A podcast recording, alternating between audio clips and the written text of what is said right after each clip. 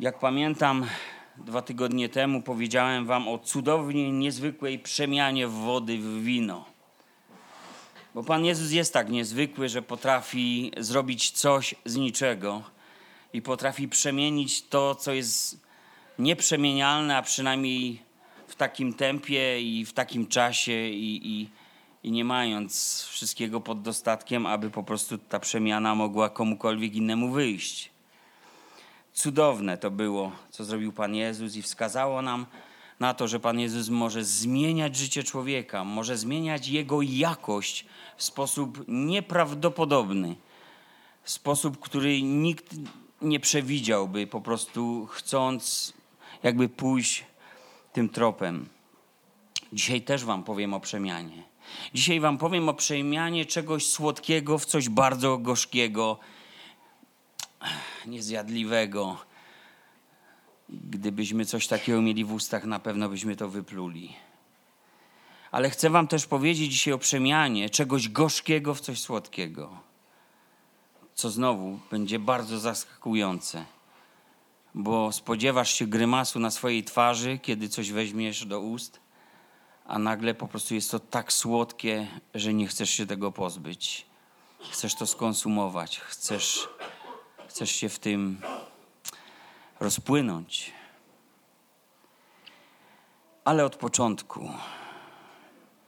Księga Rut, pierwszy rozdział. Przeczytajmy.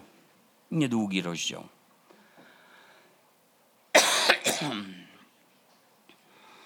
W czasach, gdy rządzili sędziowie, nastał głód w kraju. Wtedy wyszedł z Betlejemu Judzkiego pewien mąż wraz ze swoją żoną i dwoma synami, aby osiąść jako obcy przybysz na polach moabskich.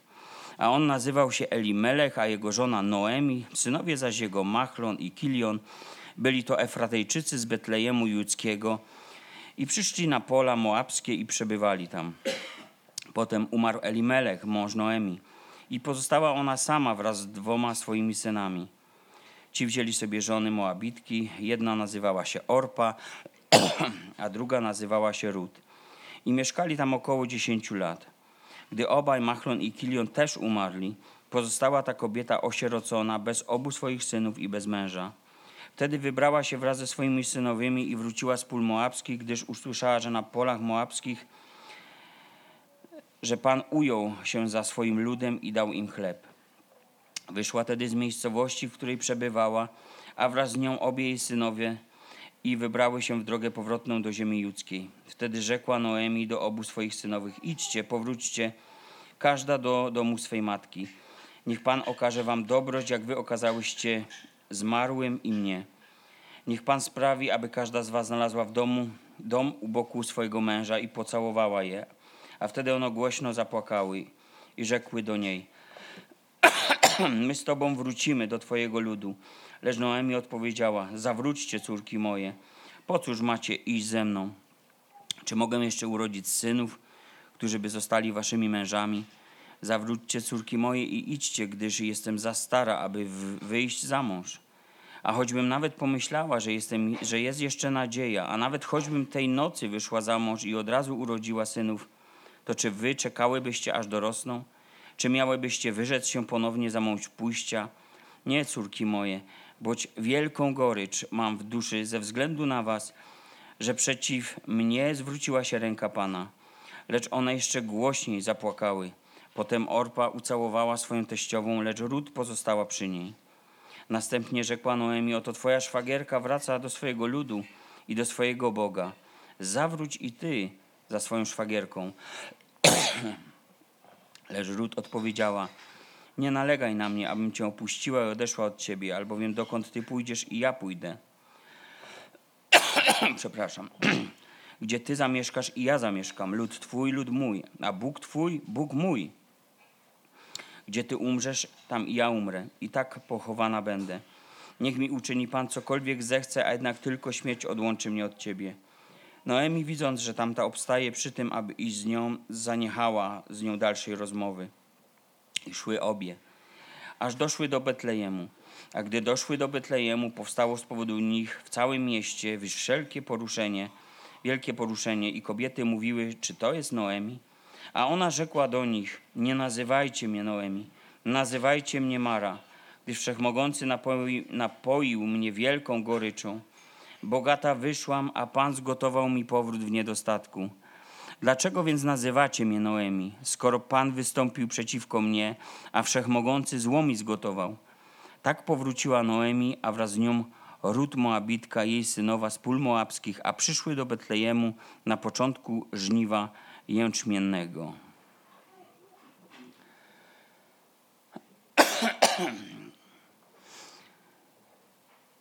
Jakiś czas temu, przeglądając prasę, natknąłem się na artykuł, tak mnie to zainteresowało, jakiś artykuł z dziedziny medycznej, mianowicie, że jacyś polscy inżynierowie wymyślili nowy rodzaj e, plastrów na rany.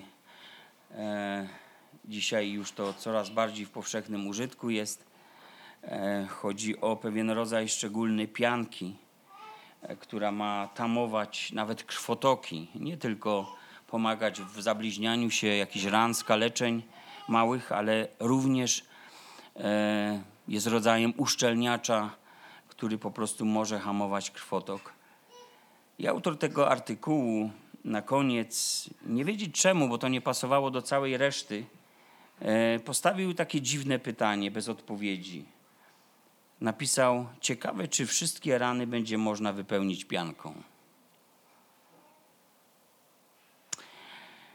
Oczywiście moje myśli pobiegły w zupełnie innym kierunku i dotykały zupełnie innego rodzaju zranień niż pewnie autor miał na myśli. Dzisiaj chcę mówić o zranieniach, których żadna pianka nie wypełni. Nie istnieje żaden ludzki sposób, by poradzić sobie z tym. Ale istnieje jeden sposób, Boży sposób, Boże rozwiązanie, aby to zmienić, co wydaje się już nie do zmienienia. Mamy tutaj zapisaną życiową historię, taki smutny życiorys. Oto w czasie wielkiego, wieloletniego nieurodzaju pewien człowiek, Elimelech, postanawia ratować swój dorobek życia, decydując się na wyjście ze swojej ojczyzny do innego kraju, do Moabu. Historia ta mogłaby się wydarzyć dzisiaj, bo też łatwo byłoby nam odnieść ją do tego, co oglądamy, przynajmniej w tej epoce, tak. Media kiedyś hucznie informowały o tym, jak otwierają się granice. Nie mam na myśli samej żelaznej kurtyny i, tego, że komunizm upadł, ale wiecie, z nadzieją polski naród wyczekiwał, jak otwierają się kolejne granice na pracowników ze wschodu. No i wielu ludzi emigrowało. Media poinformowały swego czasu, że ponad 2 miliony ludzi jest już tylko na Wyspach Brytyjskich. Pomyślmy teraz o Skandynawii, pomyślmy o Niemczech, innych krajach. Pomyślmy o tych ludziach niezarejestrowanych, którzy jeździli niby turystycznie. To też setki tysięcy. Więc mówimy o, o kilku sporych milionach ludzi. Gdy źle się działo i ludzie tracili perspektywy na dostatnie życie, albo kiedy szansa dobrobytu była w zasięgu ręki, e, tak, że nie trzeba będzie się dorabiać pokoleniami, wtedy, wtedy ludzie po prostu pakowali się i zmieniali miejsce zamieszkania. Tak uczynił Abraham, wychodząc z Ur Chaldejskiego, idąc do ziemi, której nie zna. I to była błogosławiona wycieczka. Ale ten sam Abraham później postanowił iść do Egiptu, w czym już błogosławić Pan Bóg mu nie zamierzał. Gdy groźba pogarszającego się standardu życia dosięgła kraj, tak uczynił również później Lot. Ponieważ pasterze, dobytek i wszystko, co mieli, Abraham i Lot, nie mogli pomieścić się na jednej ziemi, właśnie ta ziemia nie mogła ich wyżywić. Więc Lot spojrzał tam, gdzie było dobrze, przynajmniej dla oka, i, i poszedł za dobrobytem Sodomy i Gomory. I co by nie powiedzieć o tych ludziach, o których czytamy, Elimelech wraz ze swoją rodziną też wiedział, gdzie pójść, gdzie jest lepiej, gdzie sprawy pójdą lepiej. Widzimy jednak, że mimo lepszych warunków życia, w jakich może się znaleźli, niestety nie spotkało ich tam szczęście. Szczęście, jakiego się spodziewali zaznać w tym miejscu. Najpierw umiera Elimelech, a później synowie Noemi. Nie wiemy z jakich powodów oni odeszli, czy zadecydowały o tym jakieś względy zdrowotne, jakieś choroby, zarazy, czy zdarzenia losowe, jakieś walki, wojny. Wiemy natomiast, że wszystko dotknęło tą rodzinę w ciągu 10 lat. Po tej rodzinnej tragedii Noemi usłyszała taką wieść. Pan ujął się za swoim ludem i dał mu chleb. A zatem okazało się, że ten Bóg jest w stanie błogosławić swój lud w swojej ziemi. I on miał moc zachować tych ludzi w ziemi judzkiej, tak jak zachował swój lud wcześniej. Bo zobaczcie, tak było za dni Abrahama i tak było za dni Izaaka. Gdy nastał głód, Izaak, biorąc wzór ze swojego taty, rozmyślał o tym, by opuścić kraj. Wówczas Pan powiedział do niego, że ma nie iść do Egiptu tak, jak szedł wcześniej jego ojciec. Izaak więc posłuchał Bo Bożego głosu i nie poszedł tam, gdzie Abraham szukał lepszej przyszłości. Nie poszedł do Egiptu. A więc uprawiał ziemię tam, gdzie Pan mu pokazał, i chociaż to były dni niedoli i głodu, to zebrał, czytamy, stukrotne plony, gdyż Bóg mu pobłogosławił. Pierwsza Mojżeszowa, 26 rozdział, 12 werset. Niestety inaczej potoczyła się, gdy patrzymy na losy tej rodziny, inaczej się potoczyła historia Elimelecha i jego domu. Pomyślmy, kiedy patrzymy na powrót tej kobiety, Noemi, co działo się w jej sercu, gdy musiała zdecydować się na powrót.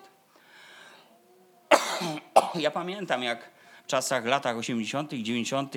wracali Polacy, z- czy z Niemiec, czy wiecie, na odwiedziny, czy z Ameryki, czy z innych krajów.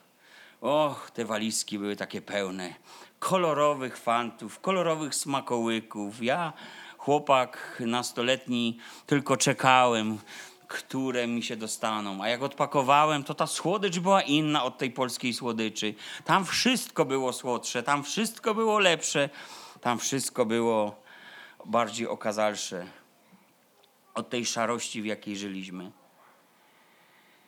Ale tutaj mamy inny obrazek.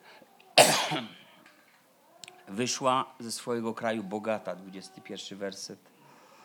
Szukając lepszego miejsca dla siebie, wraca uboga. Wraca samotna, wraca osierocona. Początkowo towarzyszyły jej dwie synowe, lecz pozostała przy niej tylko jedna młoda wdowa Rut Moabitka. Ludzie rozpoznali oczywiście Noemi. Pamiętali dzień jej wyjścia i byli poruszeni tą tragedią i pytali, czy to jest Noemi? Czy to może być prawda? Wyszła z rodziną do bogatszego miejsca i, i całkiem dobrze się działo w tej rodzinie, lecz teraz powraca ona sama, jest bardzo uboga, jest owdowiała, osierocona. Wiecie, dramat tej rodziny był newsem numer jeden w tym mieście. I na uwagę zasługuje też wzmianka o miejscu, z którego ona wyszła raz, razem z mężem i dziećmi na tą obczyznę. Noemi z mężem i dziećmi mieszkali w Betlejem. Betlejem judzkie. Tym samym Betlejem, z którego pochodził król Dawid, a potem narodził się w nim Pan Jezus. Betlejem, hebrajskie Betlehem, oznacza dom chleba. To miejsce w pierwszej księdze Mojżeszowej nazywano wcześniej Efrata. Dlatego mieszkańców Betlejem nazywano Efratejczykami. To tak jak tutaj jest Śląska, mieszkańców Śląska nazywają jak? Tych rdzennych Hanysami, tak? Coś w ten deseń. Efrata nie została przypadkowo nazwana domem chleba. Biblia pokazuje na, nam to, że praojciec Elimelecha, Abraham, potem Izaak, oni mieszkali w tych stronach. Potem Jakub i tam Bóg błogosławił im swoimi dobrami w tej ziemi, która była ziemią obiecaną. Pomimo głodu, nieurodzaju, różnych ciężkich czasów, zawieruchów, wojen, oni doświadczali błogosławieństwa. to tam właśnie Izaak usłyszał, że ma nie wychodzić z tego kraju do Egiptu. I tam Bóg darował mu ten stukrotny plon. Oczywiście wówczas ci ludzie byli wędrowcami i, i raz to było Betlejem, raz to było jakieś inne miasteczko, ale wszędzie to był ten sam okręg, okręg judzki. Ten kraj, który jest najmniejszy z okręgów judzkich, jak go nazywa Biblia, Betlejem, stało się dla Abrahama, Izaaka, Jakuba, stało się domem chleba. Tam zawsze będzie chleb. I w tym miejscu narodził się później, jak powiedziałem, Dawid, potem Pan Jezus, czyli ten chleb z nieba. Pan Jezus Chrystus przychodzi w domu chleba. Tam Pan zsyłał wielokrotnie błogosławieństwo. I musimy też pamiętać, że to całe wydarzenie, jak informuje nas początek tego fragmentu, ono ma miejsce w czasach sędziów. Więc dlaczego w domu chleba brakuje chleba? Otóż w okresie sędziów wszelki niedostatek, niedola, cierpienie przychodziły wskutek nieposłuszeństwa całego narodu izraelskiego. Biblia powiada, że w tamtych czasach każdy robił to, co mu się żywnie podobało i co sam chciał. Nikogo nie słuchali. Zaniżały się standardy moralne. Żyli jak poganie. Czcili bóstwa innych narodów, które nie pozostały podbite wokół nich. Pana Boga się nie bali. Autorytetami gardzili. Słowa nie słuchali. Bałwanom cześć oddawali. Każdy robił to, co chciał, na własną rękę żył. Dopiero gdy byli naprawdę mocno utrapieni nieszczęściem, gdy Bóg dozwalał, i aby wskutek ich własnych grzechów pojawiał się nieprzyjaciel, który będzie ich łupił, ciemiężył, grabił, niszczył, zabijał, wtedy oni dopiero wołali do Pana. A on reagował na ten płacz, na tą niedolę i wzbudzał im wielkiego sędziego, który ich ratował od wrogów. Zresztą hebrajskie słowo sędzia oznacza wybawiciel. A więc księga sędziów to jest księga wybawicieli księga Bożego ratunku, które on zsyłał. I on wyzwalał ich spod jarzma i przychodziły lepsze czasy.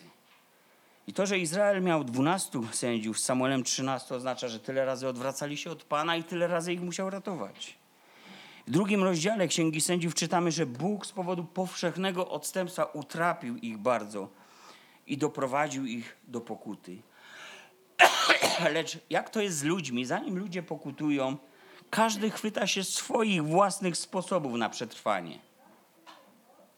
Na przetrwanie trudności. I każdy miał własne pomysły na życie. Nikt nie przejmował się tym, co Bóg mówił do nich. Nikt nie zwracał się do Boga. I tak niektórzy, co bardziej zaradni, co bardziej usytuowani, mający, jak to mówimy dzisiaj, lepsze możliwości, wędrowali też do bardziej zasobnych miejsc.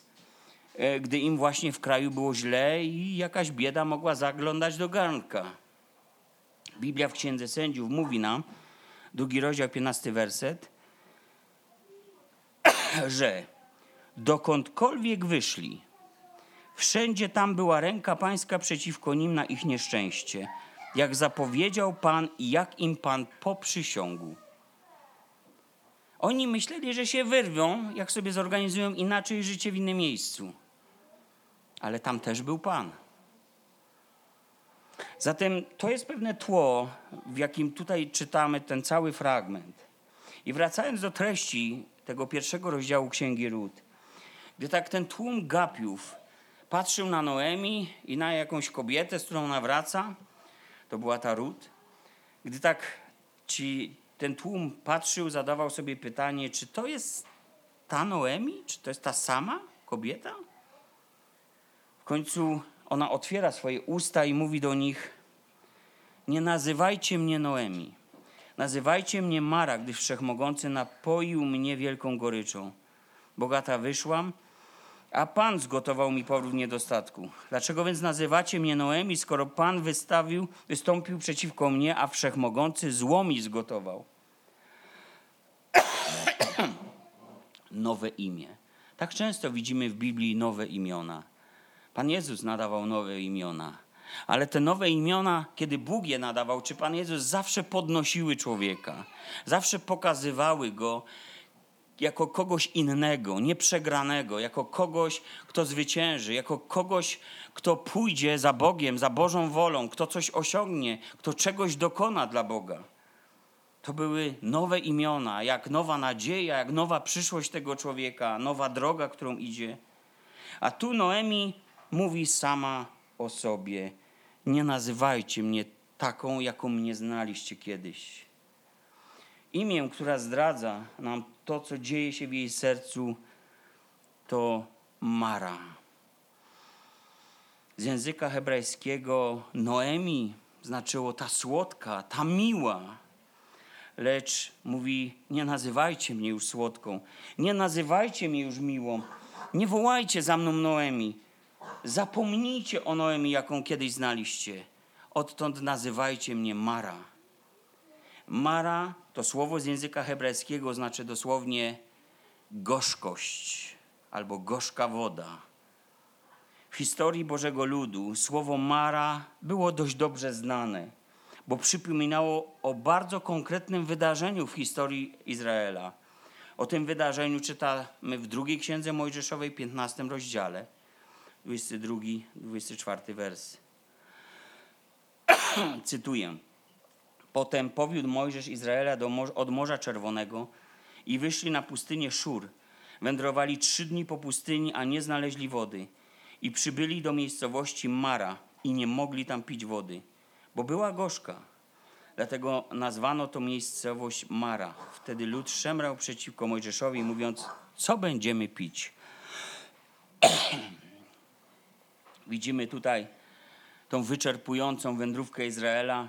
W końcu jest woda, wstają w miejscu, w którym wydawać by się mogło, będzie jakaś zmiana położenia, a oni tam nie mogli ugasić pragnienia. Było to miejsce, w którym owszem była woda, ale nie była ona zdatna do picia. Po tej wodzie można było zachorować i otruć się, umrzeć. I chociaż Mara była takim konkretnym miejscem na mapie w wędrówce Izraela, to w przypadku Noemi ta Mara znajduje się w jej wnętrzu. Mara to był stan jej serca. I wcześniej zapewne Moab wydawał się miejscem, w którym można ugasić wszelkie swoje pragnienia. Jednak tam wydarzyły się złe rzeczy. W miejscu, w którym można ugasić wszystkie swoje pragnienia.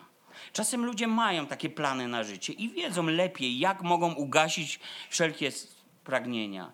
Ludzie są skoncentrowani w naszych czasach na swoich potrzebach, na tym, co ja chcę i co ja uważam, że jest dla mnie dobre. Więc bywają w miejscach, w których można ugasić wszelkie pragnienia, ale tam wydarzyły się złe rzeczy. I wszystkie pokładane w tym miejscu nadzieje i oczekiwania w tej nowej ziemi w przypadku Eli Melecha i jego rodziny nie spełniły się. Gdy z naszych serc, drodzy, wylewa się coś, co w żaden sposób nie przypomina dobrego źródła wody, to co mówimy wtedy, to nie jest ani miłe, ani przyjemne, ani słodkie, ani budujące to nie jest, ani nikogo nie pokrzepi, ale to jest gorzkie, to jest dołujące, to jest smutne, to jest niszczące, to jest wręcz toksyczne, gdyby tego dłużej słuchać, czy porównując do, do wody gorzkiej, gdyby ją dłużej pić. Jest jak smak tej wody, ta gorzkość, jak na pustyni w czasie, gdy Izrael stanął u wód, które były zatrute, niezdatne do picia. I może gdybym zapytał kogoś z Was, czy ktoś jest taką gorzkością napełniony, jak Noemi, to przypuszczam, że większość zaprzeczyłaby, jeśli nie wszyscy. Ale gdybym Was zapytał, a kto z Was zmaga się z jakimś rozczarowaniem, z jakimiś niespełnionymi oczekiwaniami wobec kogoś, albo kto zmaga się z jakimś zniechęceniem, albo kto z Was nie może się pogodzić z czymś, co zaszło w jego życiu, co ma miejsce teraz, to przypuszczam, że może część z nas powiedziałaby: No tak, wiem o czym mówisz. Albo gdybym zapytał, czy ktoś z Was jest tutaj i wie, że w swoim sercu nie przebaczył komuś, swemu bratu, swojej siostrze, swojemu mężowi, żonie, rodzicom, większość może zaprzeczyłaby, jeśli nie wszyscy. No, wiadomo, nikt nie jest idealny. Nasi rodzice, mężowie, żony, znajomi, bracia, siostry też. Ale gdybym zapytał, a kto z was żywi w swoim sercu jakiś uraz, pielęgnuje jakieś zranienie, pamięta komuś coś lub ma żal do kogoś o coś, o, to pewnie część z nas już znalazłaby, będąc uczciwymi, taką postać, taką osobę, z którą komuś się nie układa w kościele, nie układa w rodzinie, albo nawet w małżeństwie. Być napojonym, napełnionym gorzkością to taki stan, który wbrew temu, co o sobie czasem myślimy, sądzimy, że nam się to akurat nie przytrafia, to jest łatwo się znaleźć w tym stanie, lecz niełatwo z tego stanu wyjść. Droga od słodkości do gorzkości jest bardzo krótka. I zarówno dotyczy to kobiet, jak i mężczyzn. Na ogół nie zdajemy sobie sprawy z istnienia gorzkości we własnym sercu, lecz gdy ona przychodzi, gdy opanowuje nasze życie, to ona zniewala naszą wolę. Już nie wspomnę o tym, że rujnuje nasz pozytywny nastrój, ale ma wpływ na wszystko w naszym życiu. I czujemy się bezradni wobec tego, co trapi nas w naszej duszy. Pomyślmy, czy historia Noemi może w jakiś sposób się powtarzać dzisiaj w życiu kogokolwiek? Myślę, że tak. Pierwszy Koryntian, 10 rozdział, 11 werset. Co czytamy? A to wszystko na tamtych przyszło. Dla przykładu jest napisane ku przestrodze dla nas, którzy znaleźliśmy się u kresu wieków. Apostoł Paweł, mając na myśli wszystkie zamieszczone w piśmie przykłady, mówi, że są one modelowym przykładem, na którym możemy się czegoś nauczyć. Dosłownie Paweł mówi nie o przestrodze, jak my czytamy w naszych polskich przekładach, przepraszam, że to ku przestrodze, ale on dosłownie używa tam w języku greckim e, słów, mm, że to, co na tamtych przyszło, jest zapisane dla ustawienia naszych umysłów. Ku przestrodze? Ustawienia naszych umysłów. Jest to tego rodzaju ostrzeżenie, każdy taki modelowy przykład, dzięki któremu możemy swoje niewłaściwe myślenie zobaczyć w świetle słowa, w perspektywie Boga. I możemy poznać skutki swojego myślenia i odkryć Boże rozwiązania. Czy wszyscy ludzie, którzy odkrywali Boże rozwiązania, skorzystali z nich? Uczciwie powiem, mniejszość. Ale Biblia nie ukrywa przed nami tych porażek, tych tragedii i dramatów ludzkich. nie ukrywa ku przestrodze, abyśmy w porę ustawiali te nasze umysły we właściwej perspektywie, chcąc wi chcieć widzieć nasze życie. W liście do Hebrajczyków, 12 rozdział, 15 werset, czytamy także o rzeczach, które dotyczyły Kościoła apostolskiego, a więc setki lat później po takiej Noemi i po dramacie o rodziny Elimelecha. Czytamy takie słowa. Baczcie, aby nikt nie pozbawił się łaski Bożej. Czytam przekład Biblii Tysiąclecia. Baczcie, aby nikt nie pozbawił się łaski Bożej. aby jakiś gorzki korzeń, który rośnie w górę, nie spowodował zamieszania, a przez to nie skalali się inni. Spójrzmy, że to ostrzeżenie odnoszące się do gorzkości no jest ponadczasowe. Ono zostaje skierowane do tych, którzy żyją pod łaską Bożą. I tutaj odkrywamy, że każda gorzkość ma swój korzeń, ma swoje przyczyny. My dzisiaj inaczej nazywamy tą biblijną gorzkość. Mówimy przecież o goryczy. Dzisiaj mówimy o goryczy. I słownik języka polskiego, możecie sobie to sprawdzić, mówi nam, że gorycz to albo jakiś rodzaj gorzkiego smaku, albo to jest smutek, żal, rozczarowanie rodzące frustrację w nas. Gorycz czasem powoduje objawy traumy, wybuchy wściekłości. Bywa, że gorycz sprawia bezsenność. Ona odpowiada za ciągłe uczucie zmęczenia, takiego strapienia duszy w dłuższej perspektywie może prowadzić człowieka do bardzo niskiej samooceny, do negatywnych zmian we własnej osobowości, do niezdolności utrzymywania zdrowych relacji z ludźmi, czy nawet własnego związku. Tak, my nadal mówimy tylko o goryczy, nazywanej w Biblii gorzkością. Każdy rodzaj goryczy w nas ma swoją ukrytą przyczynę, której sami możemy nie chcieć lub nie umieć dostrzegać. A sprawa jest nadzwyczaj poważna, bo gdy pozwolimy, aby ten korzeń się rozrastał, aby piął się też w górę, jak takie pnącza, które oplatają inne rośliny, wszystko dookoła zostaje zaduszone. Całe życie od Boga może być zaduszone. Z powodu czego może nawet powstać zamieszanie, czytamy, tak? Ale Greka używa słowa, które oznacza niepokój, zdenerwowanie, ciągły stan napięcia. Ileż człowiek jest w stanie wytrzymać coś takiego? A nawet można gorzkością siebie skalać i innych. to znaczy, że gorycz jest zarażająca. Może doprowadzić człowieka do innych niemoralnych czynów. I znowu znajdziemy coś, co na chwilę przyniesie nam ulgę, bo tak robi człowiek, a w ostatecznym rozliczeniu zaprowadzi do tragedii, bo, bo nierozwiązany problem serca ciągle wraca. I wiemy, jak to jest z korzeniami na jakimś polu. Są niewidoczne, są pod ziemią. Można wiele razy usuwać chwasty, wiele razy targać, wyciągać, obcinać, przy samym gruncie nawet, tak że nie widać tego. I myślimy, że sprawa jest załatwiona. Mija trochę dni, trochę czasu i widzimy, że chwast niewyrwany z korzeniem znowu odrasta. Znowu jest jeszcze większy. Tak samo z tymi problemami, które się biorą z gorzkości, wracają. Taką cechę mają korzenie gorzkości. Podobnie jest właśnie z goryczą, jak z tymi korzeniami pospolitych chwastów. Dopóki człowiek nie zdecyduje rozprawić się z przyczynami, dopóty nie przeżyje prawdziwego uwolnienia od Pana Jezusa. Gorzkość będzie nawracającą chroniczną chorobą, jak te grypy sezonowe. Gorzkość będzie nawracającym zjawiskiem w czyimś życiu i będzie trzymał ciągle w niewoli. Będzie ciągle na nowo oplatał, ciągle na nowo zniewalał. To jest tak, jakbyś oglądał ciągle ten sam odcinek serialu.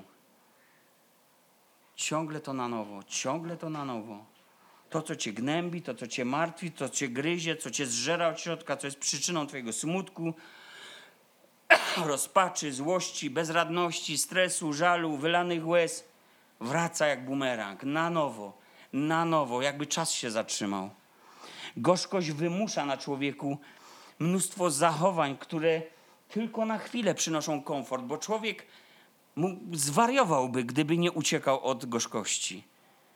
Ale ucieka w takie pozory, w takie rzeczy, które mu nie pomagają, które niczego nie rozwiązują, a przez tę zwłokę tylko więcej komplikacji. I końcowym rezultatem zniszczeń, jakie może wywołać gorzkość, jest nawet pozbawienie siebie samego łaski. Czytaliśmy o tym. To nie są moje słowa. Ma to miejsce wtedy, gdy gorycz pchnie nas do innych grzechów, w których już zostajemy. Jak w takim grząskim błocie, z którego nie idzie wyleźć. A dzieje się tak dlatego, że człowiek właśnie na własną rękę poszukuje ulgi, ukojenia swojej duszy. I wydaje mu się, że coś znalazł, i znowu to nie to. I nie wiemy, jak to się dzieje, ale wiemy na podstawie Słowa Bożego, że to jest możliwe.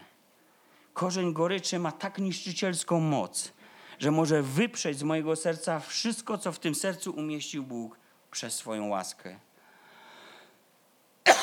Zobaczmy, przyjrzyjmy się pod lupą temu korzeniowi. Co takiego w nim jest, że takie zniszczenia sprawia? Piąta Księga Mojżeszowa, 29 rozdział, 17 i 18 werset. Niechaj nie będzie wśród was korzenia wydającego truciznę i piołun, który by słysząc słowa tego zaprzysiężonego przymierza, pochlebiał sobie w sercu swoim, mówiąc, dobrze mi będzie, choćbym nawet trwał za twardości swego serca. To doprowadziłoby do tego, że to że zostałoby zniszczone to, co nawodnione, wraz z tym, co wyschnięte. I zwróćmy uwagę, że ten korzeń ma toksyczne właściwości. Wydaje truciznę i piołun. Gdy ten korzeń wzrasta w moim sercu, to on oplata moje serce. To centrum dowodzenia moim życiem. Może być nawet poświęcone wcześniej Bogu. Ale jeżeli pozwalam sobie na gorzkość, to ta gorzkość wykonuje swoją pracę, powodując, że staję się powolutku, ale coraz bardziej nieczuły na Boże Słowo, nieczuły na działanie Ducha Świętego w moim życiu, bo chociaż znam Słowo, wiem, co Bóg ode mnie oczekuje, to odrzucam to. Nie porusza to mnie jak dawniej. Nie sprawia, że moje serce się podrywa na wieść o tym. w tym duchowym stanie człowiek może tak łatwo bagatelizować swój problem i myśleć sobie, dobrze mi będzie, choćbym nawet pozostał w tym stanie serca, jak mówi ta księga Mojżeszowa. Mogę myśleć, że nawet taka mała rzecz, jak złość, gniew, żal, które są skądinąd dziećmi gorzkości, że nie mogą zrujnować mojego całego życia z Bogiem. I, i trwam w tym nadal. Nie widzę związku pomiędzy tymi rzeczami nawet. Że to takie pędy, które prowadzą gdzieś tam od korzenia. Wtedy po jakimś czasie może przyjść całkowite zniszczenie. Serce zostaje pozbawione obecności Pana, tego prawdziwego życia. Zostajemy wyzuci z jakichś duchowych potrzeb, pragnień, chęci sięgania po Boże Słowo, wracania do Niego, szukania Boga. Słowo działa już wtedy na ludzi jak płachta czerwona na byka. Zanika głód słowa. Zanika bojaźń Boga. Stajemy się ludźmi bez autentycznej chęci życia z Bogiem. Jesteśmy w tym stanie ludźmi, którzy już nie szukają Pana. Jesteśmy skorzy nawet, jak Noemi, do oskarżania Boga o nasz los. A przy tym możemy jednocześnie zapewniać siebie i wszystkich, Bóg i ja, między nami wszystko gra.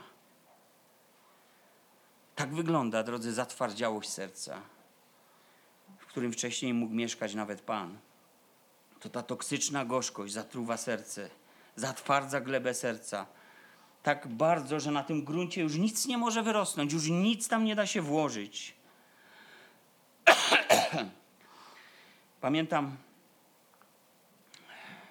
kilkanaście no prawie 20 już lat temu, pewnej kobiecie pomagałem, nie sam oczywiście. Chodziło, wydawało się o problem alkoholowy, ale w trakcie wielu rozmów odkryłem, że ta kobieta żyła w straszliwym zgorzknieniu. I kiedy udało mi się dotrzeć do takiego korzenia jej gorzkości, to wówczas okazało się, że ta osoba e, żyła w wielkim nieprzebaczeniu. Cała jej przeszłość nie była przerobiona przed Bogiem. Próba życia chrześcijańskiego tak naprawdę była próbą odcięcia się od przeszłości, by uciec od tego jak najdalej. I wiele decyzji w życiu tej kobiety było spowodowanych ucieczką. Ciągle jednak stare rzeczy ją doganiały. A wszystko to działo się w jej umyśle, w jej głowie. Ta osoba była sfrustrowana pewnymi zdarzeniami z przeszłości przeżywała je, mówiła o nich tak, jakby to było wczoraj. Można powiedzieć, że przez całe swoje życie ta osoba nie wychodziła z roli ofiary. Bo wydawało jej się, że bywało tak, że można powiedzieć, że odeszło i nikt już jej nie krzywdził, nie gnębił. To w pamiętniku jej serca były dokładne opisy bolesnych zdarzeń. A ten pamiętnik był otwierany i odtwarzany każdego dnia jak codzienny pacierz. ja wiedziałem, że trzeba się rozprawić najpierw z tym, bo nigdy nie poradzimy sobie z alkoholem tej osoby. I wiedziałem, że tam gorzkość w sercu jest. A alkohol przynosi tylko złudne chwile ukojenia. Ale nie udało się tej osobie pomóc. Dzisiaj mogę powiedzieć, ta osoba już nie żyje. Czy to alkohol zabił ją? Ja wiem, że to nie był alkohol. choć wszyscy powiedzą inaczej. Dzisiaj mogę powiedzieć, że alkohol tylko kropkę nad i postawił, a wcześniej zrobił to korzeń gorzkości. Zamknął serce na Bożą łaskę, zamknął serce na moc Słowa Bożego, zamknął serce na działanie Ducha Świętego. I właśnie ta twardość serca polega również na tym, że człowiek nie potrafi dostrzec swojego grzechu, nie potrafi się do niego przyznać, nie potrafi go wyznać. Jest pełen osądu, nic nie może do niego dotrzeć. Nie mogę zrobić nawet jednego kroku w kierunku wyjścia z sytuacji. Jeśli nawet znam rozwiązanie, nie zmierzam w tą stronę, bo korzeń gorzkości oplata moje serce i sprawia, że czuję się ofiarą. Pokażcie mi choć jedną ofiarę, która powie, że jest winowajcą. Ofiara to osoba skrzywdzona. Więc zadajmy sobie pytanie, czy w moim sercu mieszka jakakolwiek gorzkość, choćby odrobina. Nie pytam, czy dotarliśmy do tego stanu jak Noemi, czy do tych opisywanych tutaj, w którym gorycz kogoś zniewoliła, dokonała zniszczeń i pchnęła do nałogów. Gdy pozwolisz sobie zadomowić się gorzkości w Twoim życiu, będzie tylko gorzej. Z drobnymi chwilami ulgi na to, co sam człowiek robi, uciekając przed problemami. I najprostszym znakiem pojawiającej się gorzkości, drodzy, jest ciągłe osądzanie. Ciągle ten wyciągnięty palec, ciągłe to narzekanie, ciągle te utyskiwanie. I zwróćcie uwagę, że Izrael miał za złe Mojżeszowi, że się źle nimi opiekuje, że nie dba należycie o ich życie. Szemrali w swoich namiotach, osądzali, wylewali te gorzkości, skrycie oczywiście jeden drugiemu. Noemi natomiast miała taki otwarty żal do Boga. to Bóg jej nie pobłogosławił. Tak jak chciała, tak jak oczekiwali, to On całe zło zgotował. To On sprawił, że musi żyć w niedostatku. To On doprowadził ją do tego stanu, że musi przeżywać to upokorzenie. To On ją napełnił gorzkością, mówi. To On nie spełnił tych, tych pragnień, marzeń serca. To On zawiódł. O, nikt z nas pewnie takich oskarżeń nie posłałby w kierunku nieba. Ale my je czasem posyłamy, nie wiedząc, że można to robić bardziej subtelnie i bardziej wyrafinowany sposób. Trochę drobniej wyrafinowanym sposobem było to, co powiedział Adam, kiedy zgrzeszył, a Pan Bóg, gdzie jesteś Adamie? No chodź, porozmawiajmy. No, kobieta, którą mi dałeś, dała mi i jadłem. Ale chwileczkę, skąd ona się tu w ogóle wzięła? Czy to nie ty, Panie Boże, sprawiłeś, że ona tu jest? Zobacz, tak można przerzucić winę na męża, na żonę, na braci, na siostry, na rodziców, na dzieci. Ta psychologia jest znana od stworzenia świata. Tylko jak człowiek wejdzie w tą skorupę ofiary, to może się okazać, że wszedł do więzienia i nie potrafi z niego wyjść. I to jest problem. Noemi osądzała Boga, przypisywała mu całe niepowodzenie. I oczywiście nie każdy osąd wyniknie z gorzkości, ale każda gorzkość może prowadzić do tego osądu. ja tyle razy się z tym spotykałem. Zwykli terapeuci, których trochę poznałem przez pewne zagadnienia, którymi się zajmowałem, oni często wszystko przygotowują na dokumentach. Wszystko musi być na papierze i uczono mnie tego, słuchaj, to wszystko musi być zapisane, bo jeżeli pacjent źle coś zrozumie, źle usłyszy, albo nie zrobi tego, co wie, że ma zrobić, i mu się zawali cały świat, to przyjdzie do ciebie i powie: To ty. To, to ty mi to poradziłeś, to ty to powiedziałeś, to jest twoja wina. Ciągle człowiek nie widzi po prostu że, że, że, że co mówi Biblia, że jeżeli ma na coś narzekać, to niech narzeka na swoje grzechy. Ciągle człowiek widzi, że to jest świat zły, a on byłby dobry, gdyby nie ten świat. Niektórzy są przeczołgani przez psychologię. Duszpasterstwo biblijne mówi o tym, jak postawić Boga w centrum naszego życia. Psychologia mówi o tym, jak postawić mnie samego w centrum mojego życia.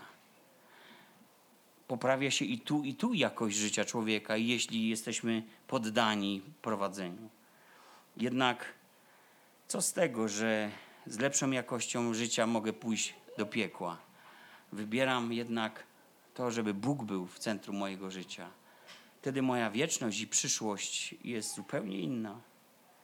Moja gorzkość to sprawa też całego Kościoła. To sprawa wszystkich ludzi, którzy widzą, słyszą. I wielu nie może sobie też czasem poradzić z tym. No, jak oni sobie nie mogą poradzić z tym, to też jest to ich wina, że ja to przeżywam. Zawsze jest palec wyciągnięty, kiedy jest gorzkość w moim sercu. Ta gorzkość wylewa się na zewnątrz i wtedy inni mogą się podtruwać tym. Inni niezorientowani bliżej, często słabsi, szukający napojenia, jak piją z takiego źródła, to nie będą od tego zdrowsi, nie będą od tego mocniejsi, nie będą bardziej zbudowani, ale będą w złym sensie ukierunkowani. I wtedy, jak powiada przeczytane wcześniej słowo, to co nawodnione zostaje zniszczone razem z tym, co jest wyschnięte. Razem. Skąd się bierze gorycz? Jeszcze kilka minut, pozwólcie. Przyczyny. Jedną z najczęstszych przyczyn już wymienionych jest rozczarowanie. Te niespełnione nasze oczekiwania, pokładane, może być w kimś, może w czymś. Kiedy Pan Jezus został krzyżowany, uczniowie byli przepełnieni goryczą. A myśmy się spodziewali, że On odkupi Izraela, powiedzieli. Lecz po tym wszystkim już dziś trzeci dzień, jak to się stało. I co, gdy ich spotkał, co powiedział ich? O głupi i gnuśnego serca, aby uwierzyć we wszystko, co powiedzieli prorocy. Gnuśny to człowiek leniwy, ociężały, niechętny, by wyjrzeć poza własny punkt widzenia. Uczniowie byli właśnie takimi po śmierci Pana Jezusa. Byli niechętni, by spojrzeć poza własne oczekiwania, by wyjrzeć poza swoje wyobrażenia. I tak zrodziła się w ich sercu z tego rozczarowania ta gorzkość, bo to, co pragnęli, się nie stało. Oni w tamten czas nawet drogę pańską porzucili, rozleźli się po świecie. Jedni do Emaus, drudzy siedzieli w ukryciu, a inni poszli na jezioro do starej swojej roboty. Zawiedzeni ludzie, zawiedziony człowiek. Przyczyn zgorzchnienia jest wiele. Mogą to być rodzinne lub osobiste tragedie, a nawet rozwód. Wspomnienie własnej niedoli udręki to piołun i trucizna, już skądś to znamy. Mówi tym razem Jeremiasz. Moja dusza bezustannie to wspomina. I co? Silniejsza jest od tego? Zbudowana bardziej? Nie. I trapi się we mnie, czytamy. I taki jest człowiek strapiony, który bezustannie wraca do tego, odtwarza tą samą melodię. Zgorzknienie, przyczyny, nieplanowany niedostatek. Niedawno słyszałem historii człowieka dość bogatego, jednego z celebrytów, który popadł w milionowe długi. Nie do wyjścia. Ta sytuacja jest nie do wygrzebania się. I czasem człowiek próbuje radzić sobie z czymś, ale spotykają go pewne zdarzenia losowe. Spotykają go jacyś ludzie, sploty okoliczności. Jak w przypadku Noemi. I stało się. Było dobrze, miało być lepiej, jest jeszcze gorzej. Jest najgorzej. Nieporozumienia, konflikty w małżeństwie, w rodzinie, w kościele. Rzeczy nienależycie rozwiązane, które wracają. Potem złe nastawienia, zranienia, Niektórzy w sobie wyhodowali takie nieźle wyglądające pnącza goryczy w stosunku do kogoś. Przyczyną gorzkości może być też zawiść, zazdrość. Bardzo to szybko niszczy relacje między ludźmi, bardzo ludzi oddziela od siebie. Bardzo powoduje, że ludzie nabierają takiego dystansu i się bunkrują. Biblia powiada, gdzie jest zazdrość, tam niepokój i wszelki zły czyn. Zazdrość otwiera drogę do wszystkiego. Każdy musi więc zadawać sobie pytanie, czym napełnione jest dzisiaj moje serce? Czy jest tam jakaś z tych rzeczy złych, przed którymi nas Boże Słowo przestrzega?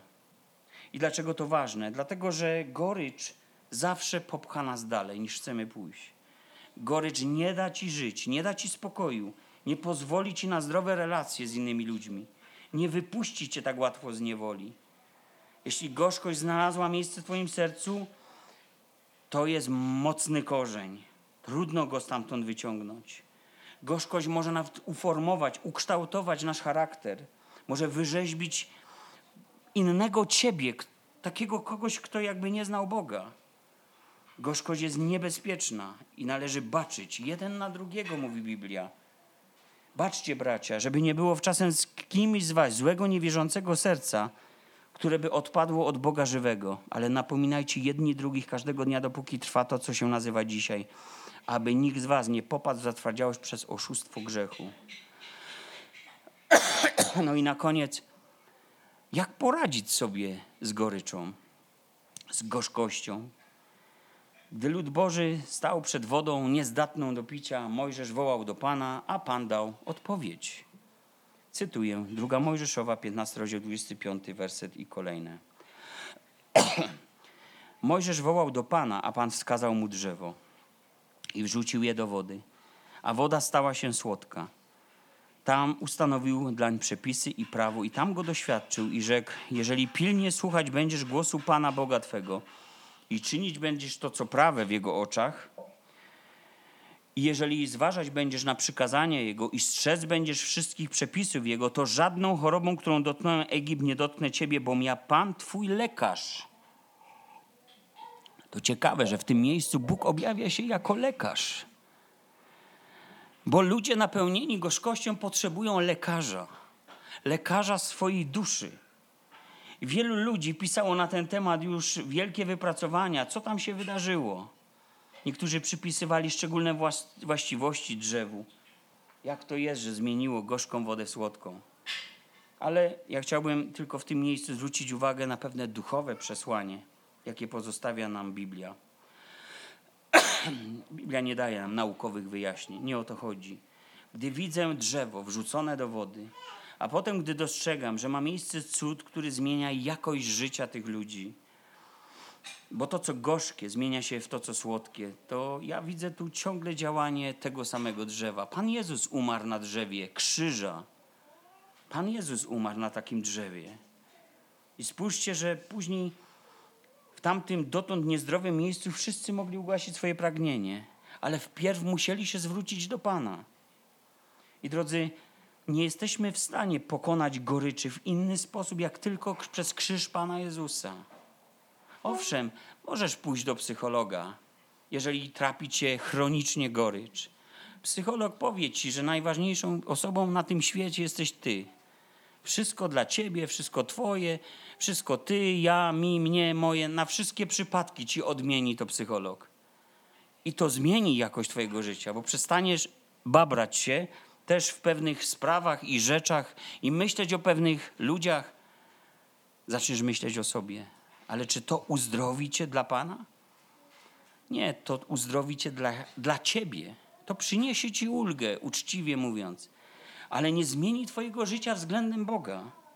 Jeżeli chcesz, aby twoje życie radykalnie się zmieniło, aby po prostu przeniosło cię ze śmierci do życia, abyś miał, miała nową przyszłość, wieczną przyszłość, bo Panu Bogu zależy na Twojej duszy przede wszystkim, a nie na poprawieniu jakości życia tu i teraz. Przynajmniej nie tylko na tym. To wtedy trzeba przyjść z tym pod krzyż Pana Jezusa.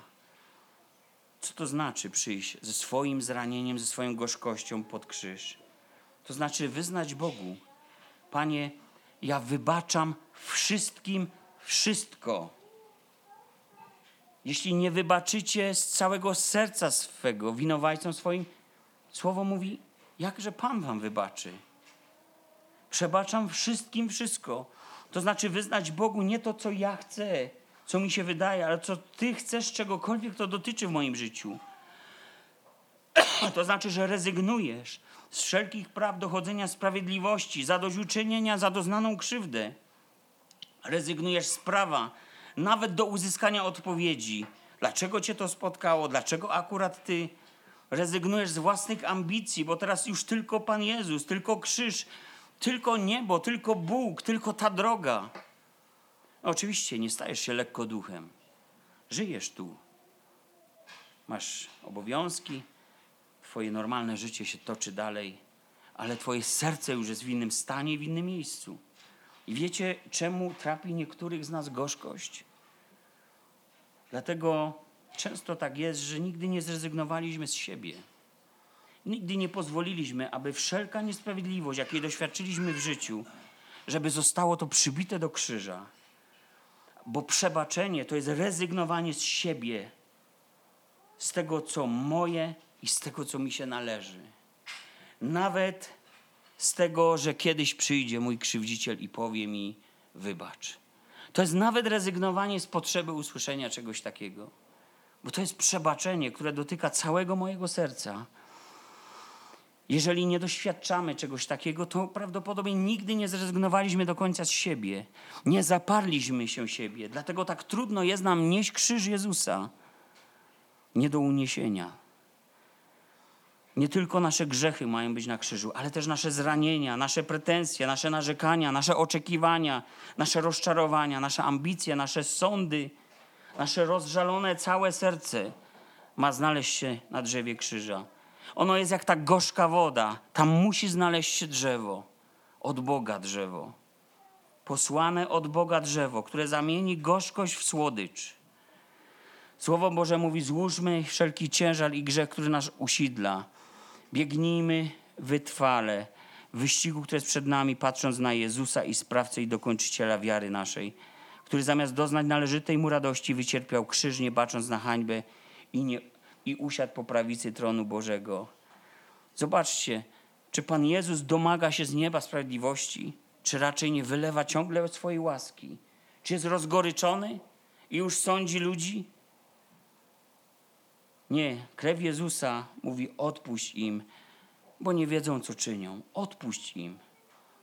Sprawiedliwość mówi: Boże, pomści. Krew Abla tak mówiła: Boże, pomści mnie, bo mój brat zamordował mnie. I krew Abla woła do dzisiaj. Ale krew Jezusa woła coś innego: Ojcze, odpuść. Tak jak ja przebaczam. I odpuść nam winy nasze, jak i my odpuszczamy naszym winowajcom. Znacie to przecież. Gdy Izraelici zwrócili się do Pana, wtedy wszystko się zmieniło. I poszli dalej i przyszli do Elim, do miejsca błogosławieństwa, do miejsca siedemdziesięciu palm i dwunastu strumieni, czystych, niesamowitych strumieni. Cudowne miejsce, cudowna odnowa, cudowne przeżycie. Więc teraz pytanie, co przedstawia moje Twoje życie? przedstawia takie Elim, takie miejsce cudownej łaski i, i tego, co Bóg zsyła, orzeźwienie, odnowę, czy może to jest jednak bliżej Mara? Ród synowa Noemi, jedyna osoba, która pozostała przy niej, została po czasie żoną bardzo majętnego człowieka. Urodziła syna. W prostej linii był potomkiem Dawida, Mężem Rut był Boaz i stał się wykupicielem Noemi z jej niewoli. tak o nim mówi Biblia. Skracając tą historię, Noemi wróciła do przestrzegania praw tej ziemi. A te prawa tej ziemi brały się z prawa Słowa Bożego. I gdy ona wróciła do pewnych praw i zasad, które Bóg dał, to te prawa i te zasady przyprowadziły ją z powrotem do błogosławieństwa. Po jakimś czasie Noemi nie tylko radowała się z wykupiciela, ale również z wnuka. Jej wnuk, którego była piastunką, nazywał się Obed. I tu ciekawostka, bo to nie ojciec lub matka, ale sąsiadki Noemi, które może odbierały poród, nadały mu takie imię. A ono miało szczególne znaczenie, bo obed z języka hebrajskiego znaczy sługa, który podźwignie. Jak myślicie, kto czuł się najbardziej podźwignięty? Dusza Noemi została podniesiona. Potomek oznaczał, że cały ród Elimelecha się podźwignął. Podniósł się duch Noemi. I czytamy na zakończenie ród księgi: On będzie krzepicielem Twojej duszy i żywicielem Twojej starości. Zobacz, co ma Bóg dla człowieka, który posłucha się Bożego Słowa. Boaz także w tym widział Bożą rękę i mówi: Prawdą jest, że jestem Twoim wykupicielem. Lecz jest jeden wykupiciel, jeszcze bliższy ode mnie. Jak myślicie, kogo miał na myśli? To Bóg. To Zbawiciel. Drodzy, często możemy znaleźć powody, by czuć się za coś skrzywdzonymi. Często możemy odczuwać rozczarowanie jedno za drugim. Niepowodzeń życiowych dzisiaj jest mnóstwo na tym świecie. Możemy wylewać ciągle swoje żale w stosunku do różnych osób, w stosunku do kościoła, w stosunku do żony, do męża, do rodziców, do dzieci.